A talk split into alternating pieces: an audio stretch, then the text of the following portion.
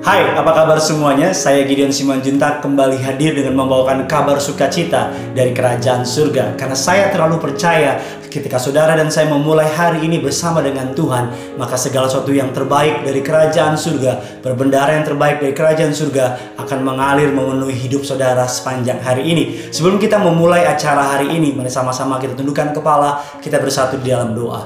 Bapak yang baik, Bapak yang kami sembah di dalam nama anakmu yang tunggal, Tuhan kami, Yesus Kristus. Kami percaya untuk satu hari yang Tuhan telah berikan, semua datang dari Tuhan. Kami mau menyerahkan hari ini bersama dengan Tuhan, karena kami percaya apa yang kami mulai dengan Tuhan akan kami akhiri dengan kemenangan. Berkati siapa pun yang menonton acara kerinduanku, renungan singkat pada pagi hari setiap mereka diprogramkan untuk menjadi berkat, diberkati, berkelimpahan. Di dalam nama Bapa, Putra, dan Roh Kudus, dalam nama Tuhan Yesus. Setiap kita yang siap diberkati sama-sama kita katakan, Amin. Haleluya. Hari ini kita akan membahas sebuah renungan yang memberkati saya.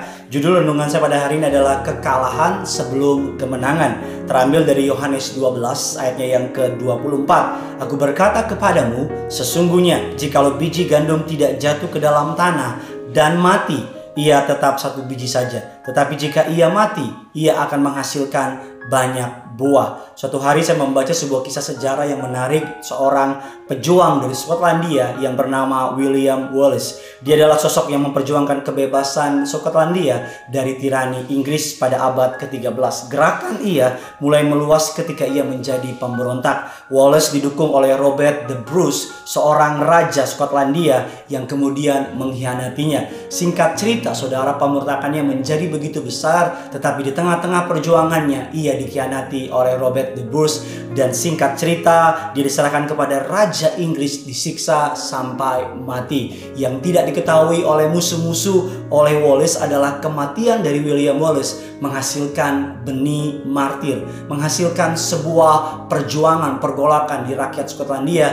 dan menghasilkan sebuah perjuangan yang berbuah kepada kemerdekaan. Kekalahan tidak selalu berarti kehancuran, bahkan kemunduran tidak selalu berarti sebuah kekalahan.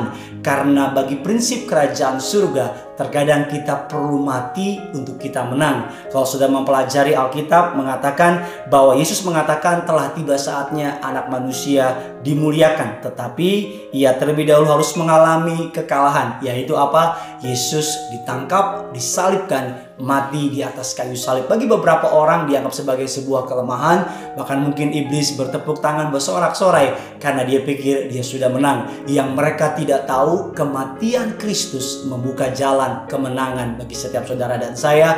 Kematian Kristus menjadikan kabar baik bagi setiap saudara dan saya. Kematian Kristus dalam tanda kutip kekalahan Kristus menjadi kabar baik bagi saudara dan saya, bahkan membawa kabar sukacita yang luar biasa. Hari ini kalau saudara melihat kemunduran, kalau saudara melihat kekalahan, kalau saudara mungkin harus mengalami kehancuran, saya tahu tidak semua orang mau kalah. Bahkan hampir semua orang nggak mau kalah. Mereka maunya menang terus. Saya tahu banyak di antara kita nggak mau mengalami kemunduran. Kita maunya maju terus, nggak mau mundur. Tapi tahukah saudara, sering kali Allah harus menarik tarik panahnya untuk mundur beberapa langkah dan ketika dia melepaskan kita maju ribuan langkah sering kali Tuhan mengizinkan kita untuk mundur beberapa langkah ke belakang untuk melesat beberapa ribu langkah ke depan jadi kalau hari ini sudah dalam keadaan kekalahan kalau sudah berada dalam keadaan kemunduran Jangan buru-buru bilang Tuhan jahat, jangan buru-buru Tuhan bilang Tuhan gak peduli sama saudara, tapi imani. Sama seperti benih yang harus mati terlebih dahulu untuk bertumbuh.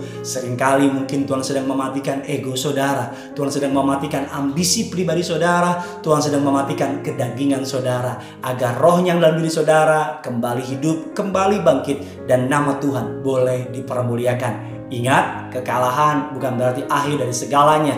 Bahkan sering kali untuk meraih kemenangan, kita harus kalah dulu. Yesus saja kelihatannya kalah dulu. Bahkan semua para pahlawan iman di Alkitab kelihatannya kalah. Daniel kelihatannya kalah ketika ia ditangkap di gua singa Daud kelihatannya kalah ketika dikejar-kejar oleh Saul, bahkan Yusuf kelihatannya kalah ketika dia menjadi budak di penjara, bahkan ketika dia difitnah, bahkan Sadrak Mesak Abednego kelihatannya kalah ketika dia dibakar di dapur perapian. Tapi kita semua tahu ending dari ceritanya, mereka kalah untuk menang. Melalui kekalahan mereka, Allah memproses mereka. Bahkan sering kali melalui kekalahan mereka Allah menunjukkan kita manusia butuh Tuhan. Kita manusia memerlukan Allah. Saya berdoa agar hari setiap saudara yang merasa kalah dalam kehidupan bangkit bersama Kristus Jadilah kuat, jadilah setia, jadilah percaya. Kekalahan Tuhan siapkan untuk kita meraih kemenangan bersama dengan Allah. Bagikan kabar baik ini kepada setiap teman-teman saudara. Ambil HPmu, share kabar baik ini sebanyak mungkin. Karena kita diberkati untuk menjadi berkat. Jangan lupa komen di bawah sini apa yang menjadi kekalahan saudara